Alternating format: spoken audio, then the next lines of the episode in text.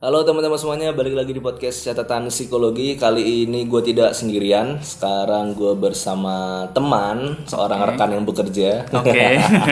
ya itu adalah Kang Jai. Halo. Nah, jadi Kang Jai ini adalah seorang mahasiswa S2, Yes. magister profesi psikologi di salah satu kampus di Kota Malang. Betul banget. Nah, jadi di podcast kali ini kita akan membahas tentang ini ya. Sebenarnya Bahas apa nih? bahas tentang psikolog gitu Oh. sebenarnya psikolog itu gimana sih cara kita mencapai psikolog men- mendapatkan gelar psikolog Oh. Mendapatkan dan gelar psikolog. bisa eh, melakukan pekerjaan psikolog gitu Oh. soalnya kan sekarang kan lagi ada eh, ya apa ya berita-berita ya berita-berita dan juga kasus yang sedang ya sedang, Viral. sedang ramai dibicarakan yaitu ada seorang ya seorang yang bisa kita bilang berbackground psikologi Background psikologi. Mm-mm, dan itu eh, ada masalah dengan selebgram gitu deh, Iya. dengan selebgram. Dan kita di sini nggak mau membicarakan masalah yang lain, kita khusus bicarakan tentang kan itu kan sempat jadi perdebatan tuh tentang gelar psikolognya. Nah itu ini sebenarnya psikolog apa bukan gitu Nah, kan? Nah, sana sempat ditanya tentang eh, ijazahnya, nomor nomor apa surat prakteknya ya, Nah, Prakteknya. surat prakteknya. Nah sebenarnya itu kan juga bikin orang bingung ya Iya, antara wah ini orang psikolog beneran apa enggak itu. Nah, terus kan ada istilah lain kayak terapis, Psikoterapis katanya. iya psikoterapis, hipnoterapis Ah. ataupun mungkin apa lagi ya gelar-gelar lain ya ataupun dokter gitu mungkin Dokter. gimana gitu kan psikolog ini sebenarnya gimana sih untuk prosesnya itu bedanya apa dengan Oh, dengan hipnoterapis dan kawan-kawannya gitu ya. Hmm. Nah, itu yang akan kita bahas di podcast pada kesempatan kali ini. Oke. Nah, terus eh, pertama-tama gue bakal jelasin tentang proses kuliah psikologi dulu nih. Oke. Nah, kalau kita mau jadi psikolog nih, misalkan kita Mhm. kita punya cita-cita di psikolog nih. Mm-mm. Gue mau jadi psikolog, caranya pertama yang harus ditempuh adalah Mm-mm. kalian kuliah S1 psikologi dulu. Oke. Oke. Kuliah S1 psikologi ya kuliah pada umumnya sih, maksudnya kuliah-kuliah S1 pada umumnya kalian akan macam-macam sih ya, ngerjain tugas, Iya. praktikum, segala macam. Setelah kalian sudah lulus S1, itu kalian akan mendapatkan gelar SPSI. SPSI. SPSI. Nah, itu kalian disebut sebagai ilmuwan Ilmuwan psikologi. ilmuwan psikologi. Nah, itu ilmuwan psikologi itu maksudnya gimana nih, Kang? Oke. Jadi ada memang uh, referensinya yang sah, yang ilmiah itu adalah kode etik uh, psikologi tahun 2010. Oke. Nah, jadi kalau misalnya dia sudah lulus S1 psikologi, maka itu tergolong sebagai ilmuwan psikologi di dalam kode etik itu. Hmm. Nah, jadi S1 itu kan 4 sampai 5 tahun ya. 4 sampai 5 tahun Nah, biasanya. Jadi dia jalani itu, maka dia tergolong ke dalam ilmuwan psikologi. Nah, terus ada lagi yang bagian-bagian yang lain seperti uh, psikolog di dalam kode etik psikologi tersebut disebutkan seperti itu. Nah, kalau psikolog dia S1 psikologi, terus S2-nya ambil magister profesi psikologi. Mm-mm. Nah, seperti yang saya ambil sekarang. Karena S2-nya psikologi itu ada dua jenis. Ada magister profesi psikologi, itu yang pertama. Terus ada magister psikologi sains, itu yang kedua. Gitu. Kalau misalnya dia S1 psikologi, S2 magister psikologi sains, maka dia termasuk ke dalam ilmuwan psikologi tadi juga. Hmm. Nah, begitu halnya dengan yang misalnya dia ngambil S3 tuh ya uh, bidang psikologi gitu. Nah, dia lulus juga sebagai seorang ilmuwan psikologi. Nah, yang namanya ilmuwan ya, dia tidak bisa membuka praktek. Dia hanya uh, bertugas bertanggung jawab untuk melakukan riset, mengkaji sebuah teori dan uh, memperdalam lagi bagaimana secara ilmiahnya sebuah ilmu psikologi itu gitu. Nah, jadi yang sebenarnya menurut kode etik psikologi tahun 2010 yang bisa buka praktek itu hanya psikolog gitu. Jadi begitu untuk uh, tahapan-tahapannya perkuliahan gitu. Hmm. Nah, terus bedanya magister profesi sains sama psikolog itu apa bedanya tadi itu? Nah, kalaunya profesi psikologi itu kuliahnya dia di S1, eh kuliahnya di semester 1 dan semester 2 itu lebih banyak kepada teori dulu tuh. Jadi dia flashback istilahnya ya. Belajar lagi tentang kuliah-kuliah yang ada di S1 dan memperdalam lagi. Nah, lalu semester uh, 3 dan 4 dia mulai praktek kerja lapang namanya. Nah, atau disingkat dengan PKPP biasanya. Praktek kerja lap eh praktek kerja profesi psikologi. Nah, itu di tiap kampus namanya mungkin Eh, mirip-mirip bisa bisa beda-beda ya. bisa beda dan kebanyakan mirip sih. Oh, tapi Kebanyakan pokok praktek kayak magang gitu kayak kali ya. magang lah gitulah katakan kayak magang lah semester 3 dan 4 dia harus mencari tujuh kasus ya kalau di kampus saya. Lalu dia juga ada ujiannya di setiap kasus itu. Oh, ha. Nah, nanti eh, di akhir juga ada ujian gabungan sama pihak kampus, terus ada ujian lagi gabungan sama Himpunan Psikologi Indonesia. Jadi total ujian tuh ada 9 Oke. dan kasus yang diselesaikan ada 7 Mm-mm. Makanya untuk menjadi psikolog itu Nah. tidak semudah itu, Oh. Ferguson. Ini lagi curhat kan? lagi curhat. lagi berkeluh kesah. berkeluh nih kesah sekalian kuliahnya kayaknya. sekalian anu berkeluh kesah. nah, kalau misalnya yang psikologi sains tadi itu dia tidak menjalani proses seperti yang profesi. Hmm, nah, beda berarti ya? Beda itu kenapa kuliahnya bisa lebih singkat. Jadi kalau profesi dia dua tahun sampai dua tahun setengah. Hah? Kalau yang sains tadi dia satu tahun setengah sampai dua tahun gitu. Oh jadi yang sains ini bisa lebih cepat Bisa ya lebih cepat. Oh. Karena dia hanya meneliti. Nah, tidak perlu menjalani tujuh kasus, tidak perlu Hmm. gitu. Jadi hanya mencari sebuah riset, Hmm. diperdalam, dijadikan tesis ya. Jadi selama perkuliahan dia hanya riset-riset saja gitu. Gelarnya pun beda ya. Hmm. Oh gitu. Jadi kalau sains dia biasanya MPSI atau MSI. Heeh. Nah, itu tergantung kebijakan kampus. Kalau yang profesi yang kita anggap sebagai psikolog tadi, Iya. itu biasanya MPSI, titik koma, lalu psikolog. Oh Nah, iya iya iya. Oh berarti dia itu eh, kuliahnya S2 magister profesi ya kalau Magister yang profesi. MPSI psikolog itu. ya. Yes. Oke. Nah, terus untuk misalkan udah lulus tadi ya magister profesi psikologi, Hmm. setelah lulus itu apakah langsung dapat gelarnya psikolog gitu atau mungkin ada tes-tes lagi nggak sih? Oh, ada banyak lagi tuh tes-tesnya. Oh, Ya, Jadi ada tadi yang pertama ada 9 ujian ya. nah, Nah, terus nanti eh, kalau sudah eh, lulus baru nanti disumpah. Eh, disumpah oleh profesi eh, psikolog begitu oleh Himpunan Psikologi Indonesia. Nah, baru nanti ada tes-tes lagi untuk mendapatkan surat-surat yang bisa dijadikan praktek gitu. Oh, Jadi surat izin praktek gitu nanti dapat kayak gitu. Kayak gitu sih. Jadi eh, setelah lulus tadi akan disumpah ya sumpah profesi. Setelah itu baru eh, mendapat yang namanya surat izin praktek. Ya. Berarti setelah itu boleh dong kita eh, misalkan buka jasa psikolog gitu kan. Bis- ataupun kita buka biro sendiri gitu bisa berarti ya. Ataupun menjadi seorang psikolog di rumah sakit jiwa atau di rumah sakit umum itu boleh berarti ya. Boleh banget. Oke. Nah, tapi yang juga harus uh, background psikolog klinis. Nah, karena psikolog itu sendiri terbagi lagi nih menjadi tiga. Oh, defi- Ah. definisi psikolognya eh, psikolog di Indonesia ini ternyata dibagi Iya, lagi. dibagi ya. lagi. Sama kan kayak dokter spesialis Oh iya. uh, kejiwaan, misalnya dokter spesialis penyakit Oh iya, ada apa, dokter misalnya umum, dokter, dokter mata, dokter spesialis penyakit mata, eh, spesialis penyakit dalam, Penyakit dalam, dokter apalagi kulit ya. dokter Oh, kulit kan. Nah, sama halnya juga dengan psikolog. Hmm. Jadi psikolog itu umumnya ya terbagi jadi tiga. Jadi ada psikolog klinis, Hmm. ada psikolog industri dan organisasi, ada psikolog pendidikan. Oke. Nah, tadi yang disebutin Mas Ibnu yang tentang psikolog klinis Hmm. itu biasanya yang kita sering ketemukan di puskesmas, Oke. di rumah sakit, di klinik-klinik psikologi. Hmm. Nah, kalau psikolog industri dan organisasi dia biasanya posisinya sebagai HRD di sebuah perusahaan. Hmm. Nah, kalau psikolog pendidikan biasanya jadi konsultan atau dia punya sekolah sendiri biasanya. Oke. Nah, jadi ada tiga umumnya Hmm. kayak gitu. Nah, yang boleh memberikan diagnosa klinis, Hmm. yang boleh memberikan uh, pendapat bahwa lu tuh bipolar misalnya, Hmm. lu tuh kepribadian ganda. Nah, itu adalah seorang yang namanya psikolog klinis. Oh, oke. Nah, oke. gitu.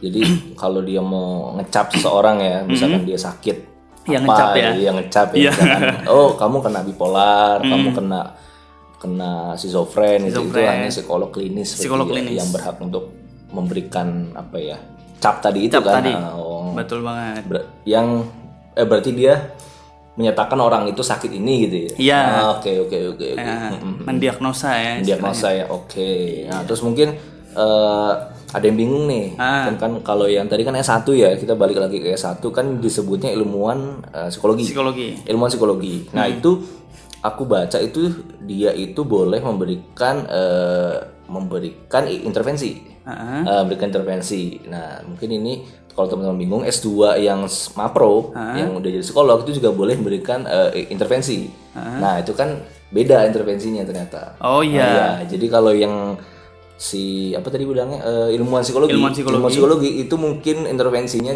lebih ke bentuk sosial mungkin. Iya, Hmm, betul betul. mungkin dia memberikan konseling. Konseling nggak apa-apa berarti ya kalau untuk eh, ilmu psikologi yang S1 nih ya. Yang S1 kalau Hmm. itu pada level yang masalah aja, bukan gangguan ya. Kemudian juga memang dibutuhkan oleh si klien dan eh, selama tidak melanggar kode etik itu nggak apa-apa. Apa-apa ya, gitu. oke. Asal yang ringan-ringan aja. Ringan-ringan gitu. aja, oke. Jadi Bukan yang kepribadian ganda. Ah, itu terlalu oke, berat itu. Oke, berarti intervensi ya tadi ya mungkin yang lebih ke sosial ya, intervensi sosial Nah, ya. iya. Ah, mungkin membuat sebuah apa misal contohnya ya. Membuat sebuah self help group itu ya. Iya, itu boleh psikoedukasi, psikoedukasi begitu. eh, ngasih materi tentang psikologi gitu Iya. kan ya, ngasih wawasan psikologi itu boleh berarti. ya. Boleh. Mm-mm, Dan itu yang saya lakukan selama ini kan. Nah, iya. iya, sebenarnya Iya, podcast ini kan bentuk intervensi nggak sih? Bentuk sebenarnya? intervensi juga Ini secara digital secara ya. digital. Ini masuknya adalah psikoedukasi gitu. Tapi eh, saya di sini nggak boleh membuka apa ya, membu- eh, mem- memberikan in- intervensi yang berupa misalkan saya praktek tadi, praktek. Praktek psikolog. Misalkan saya melakukan yang namanya pemeriksaan psikologis, Hmm. itu nggak boleh ya, nggak boleh. Misalkan saya langsung mendiagnosa, Itu nggak boleh itu juga. boleh. Misalkan saya ada yang curhat ke saya terus bilang, gimana nih, wah kamu kayaknya bipolar. Iya, lu lu gila lu.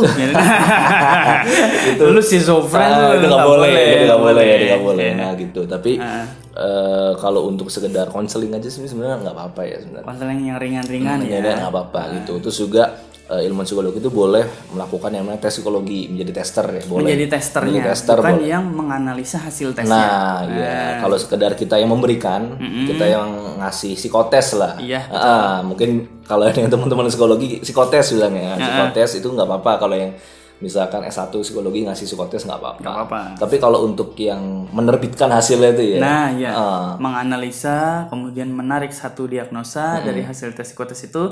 Nah, itu tugasnya psikolog, psikolog klinis Oke. khususnya.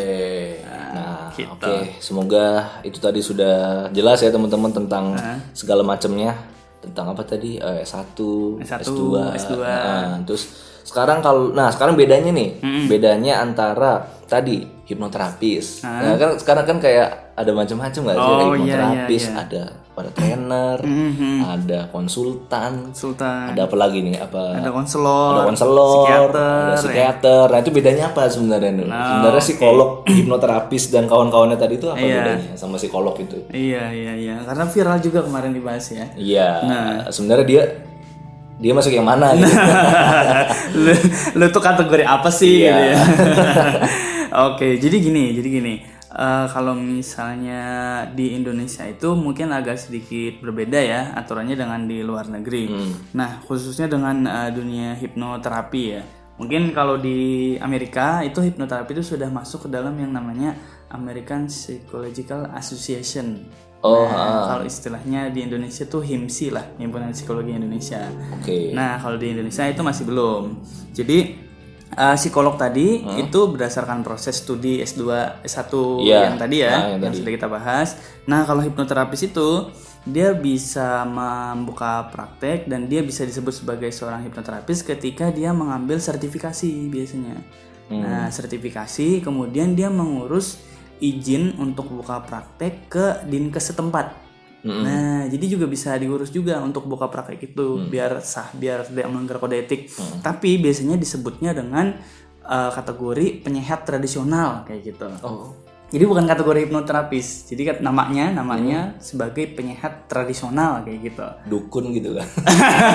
Saya nggak bilang dulu ya. yang itu yang bingung ya. Du- Dukun kan tradisional.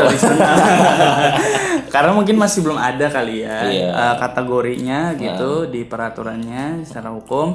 Nah, organisasinya sendiri untuk hipnoterapi di Indonesia itu ada macam-macam. Jadi ada yang namanya IBH, Indonesian Board of Hypnotherapy. Nah, itu yang jumlahnya eh, jumlah ahlinya paling banyak di Indonesia itu IBH, ada sekitar 20 ribuan. Itu lembaga yang dipercaya kredibel untuk memberikan sertifikasi tentang Hipnoterapi. hipnoterapi. Nah, terus ada juga yang namanya Prahipti. Itu perkumpulan praktisi hipnotis hipnoterapis Indonesia. Terus ada juga HKI seingat saya. Eh, AHKI ya, Asosiasi Hipnoterapi Klinis Indonesia kayak gitu. Nah, jadi ada tiga ya tadi ya. Ada tiga. Eh, organisasinya ya yang ada di Indonesia yang bergerak di bidang hipnoterapi. Nah, kalau misalnya orangnya pernah ngambil sertifikasi di situ atau terdaftar di situ, nah itu bisa kita anggap eh, dipercaya lah gitu untuk membuka sebuah eh, pelatihan atau praktek, praktek gitu. hipnoterapi. ya. Hipnoterapi. Dia bisa menjudge dirinya sebagai seorang hipnoterapis kayak gitu. Oke. Nah, kalau konselor beda lagi. Jadi ada lagi organisasinya gitu. Terus sertifikasinya ada lagi tersendiri. Biasanya dari BNSP itu juga bisa mengeluarkan.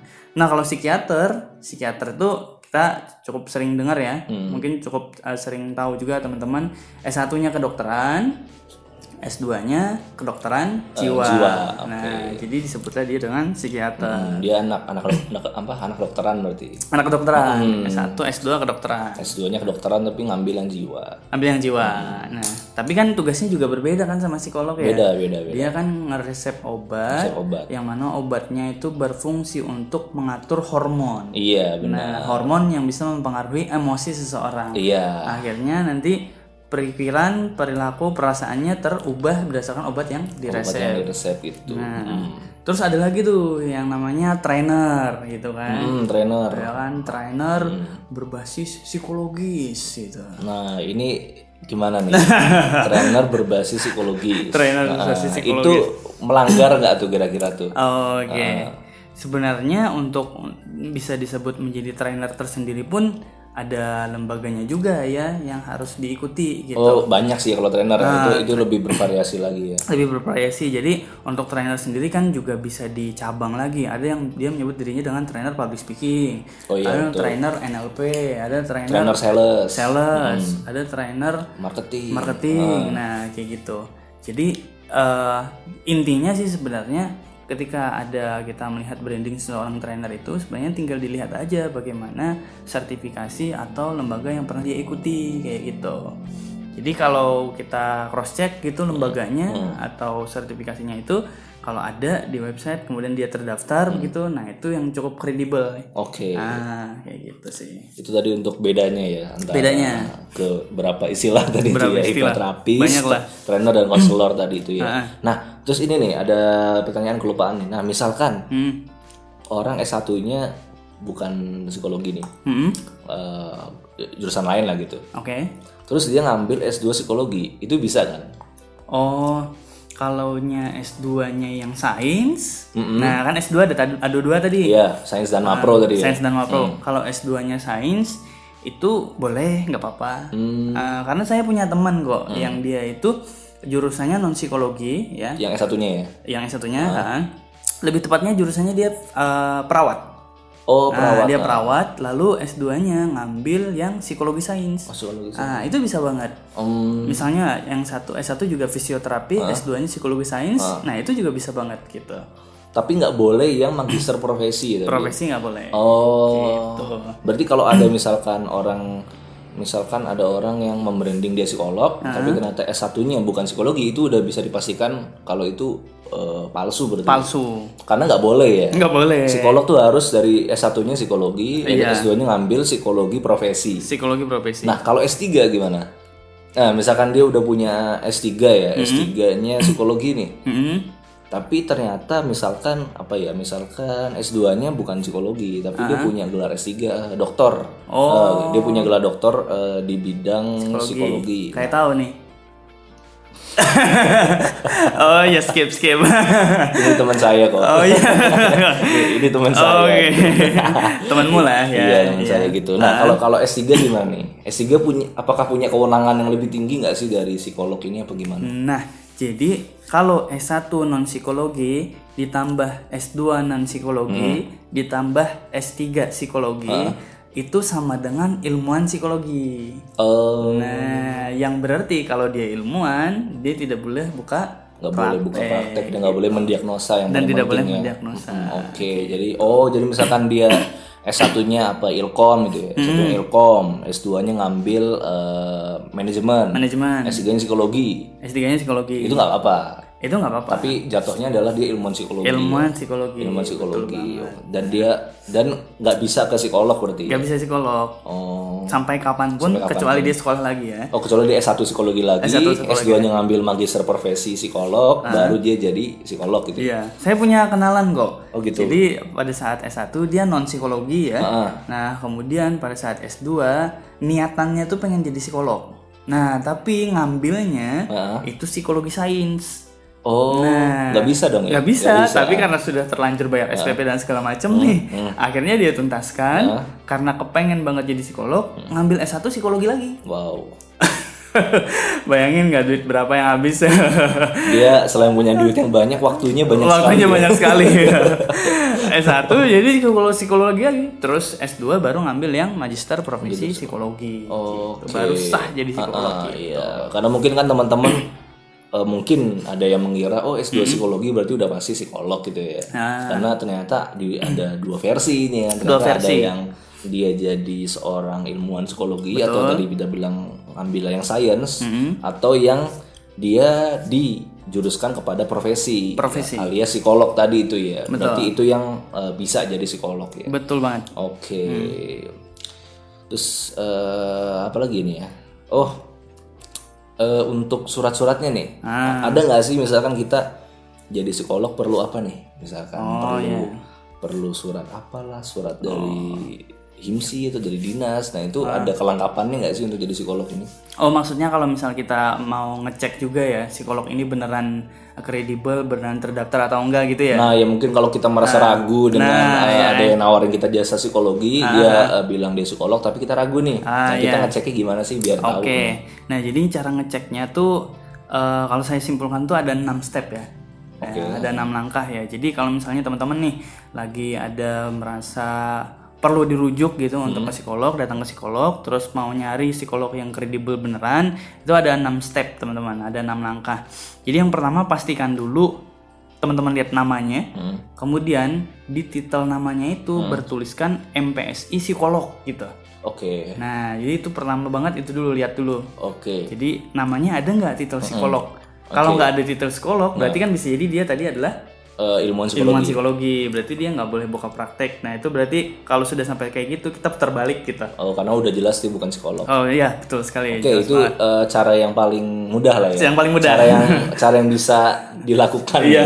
Cara yang mudah. Yang sangat mudah. Nah berikutnya yang kedua teman-teman bisa tadi kan uh, kan sudah dapat nama tadi. Iya. Sudah dapat nama, terus dicek dia terdaftar nggak ke organisasi atau himpunan profesinya. Oke. Atau yang tadi kita sering sebut itu ke HIMSI ya, Eh, Himpunan, Himpunan Psikologi, Psikologi Indonesia, Indonesia. di website anggota titik himsi titik .or.id. Oke, Nah, jadi, setiap psikolog di seluruh Indonesia itu namanya pasti ada di situ ya. Hmm? Pasti di situ. Oh, di HIMSI tadi bisa Di dicari. HIMSI. Oke. H I M P S I Oke, ya. Ah. himpesi. gitu ya. Himpesi gitu, Himpesi.com itu nanti dicari di keanggotaan tadi ya. Jadi iya betul Oke. di keanggotaan. Kalau dia sudah terdaftar, oh berarti kita bisa lanjut ke yang cek berikutnya. Oke. Nah, Nah, terus yang berikutnya itu dicek ada yang namanya surat sebutan psikolog, Oke. ya itu surat yang pertama. Terus ada juga surat izin praktek psikologi. Heeh. Terus ada lagi surat izin praktek psikologi klinis kalau Hmm. dia yang bekerja di puskesmas atau di rumah sakit. Oke, heeh. Terus yang terakhir cek lagi surat tanda registrasinya. Hmm, Nah banyak tuh yang dicek. banyak ya. Nah, makanya untuk jadi psikolog tuh sebenarnya nggak mudah. Mudah puyeng, saya lagi puyeng ini. Eh, banyak banget sih tadi apa proses-prosesnya ya. Surat-suratnya banyak banget yang diurus. Suratnya banyak banget Oke. gitu. Biasanya kan kalau ke biro atau ke klinik atau ke rumah sakit tuh kan ada kita bisa lihat plangnya ya. Iya benar, ada ada nomor-nomornya kan. Nah, itu nomor-nomornya itu adalah yang mengisyaratkan uh, surat-surat tadi yang Oke, disebutkan. Gitu. nomor registrasinya dia berarti ya. Iya. Nomor suratnya dia. Nomor, praktek, nomor praktek. Nomor praktek gitu. Oke. Jadi kayak gitu. Itu beberapa yang bisa kita cek. Oke. Cuman yang paling yang paling mudah sih tadi ya dengan gelarnya. Apakah dia gelarnya sudah ada psikolog atau Ya. belum? Terus juga bisa dicek di website ya. Website. Mungkin kan kita kayak sungkan gitu kan mau nanya, Mas ada nomornya nggak kan? Kak?" Iya. Mungkin beberapa orang ada yang sungkan lah. Tapi kalau untuk yang cara simpelnya tadi bisa yang kayak gitu ya. Iya. Bisa dicek di himsi. dot- Himsi. dot apa tadi? .or.id. Oh, oke. dot .org itu ya. Oke. Iya. Oke di himsi.org atau dicek titelnya aja ya. Ya. MPSI psikolog MPSI atau bukan? Kalau cuma MPSI doang itu berarti ilmuwan berarti kan? ya? Ilmuwan. Ilmuwan psikologi kan? Betul. Kalau S1 kan SPSI, S2 adalah MPSI. MPSI. Tapi kalau MPSI doang berarti bukan psikolog. bukan psikolog Oke. ya Oke, eh, jadi itu tadi kita pembahasan tentang psikolog psikologan, Iya.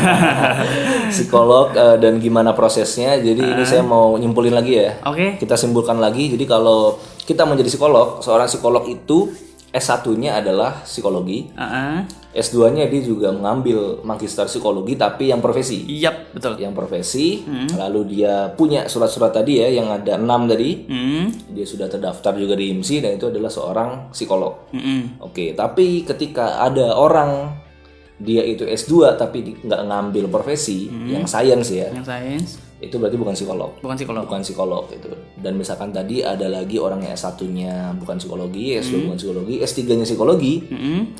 itu tetap bukan psikolog. Tetap bukan psikolog. Jatuhnya adalah ilmuwan psikologi. Ilmuwan psikologi. Ilmuwan psikologi. Oke, jadi eh, semoga teman-teman bisa tercerahkan ya, mendapat informasi lebih tentang psikolog ya, tentang psikolog itu prosesnya gimana dan kita juga bisa lebih lebih selektif lah ya, lebih selektif dan waspada nih. Misalkan ada orang yang mungkin mengaku ke kita seorang psikolog atau itu. orang yang ingin memberikan kita terapi ataupun intervensi psikologis itu, kita juga bisa eh, berhati-hati. Betul. Oke.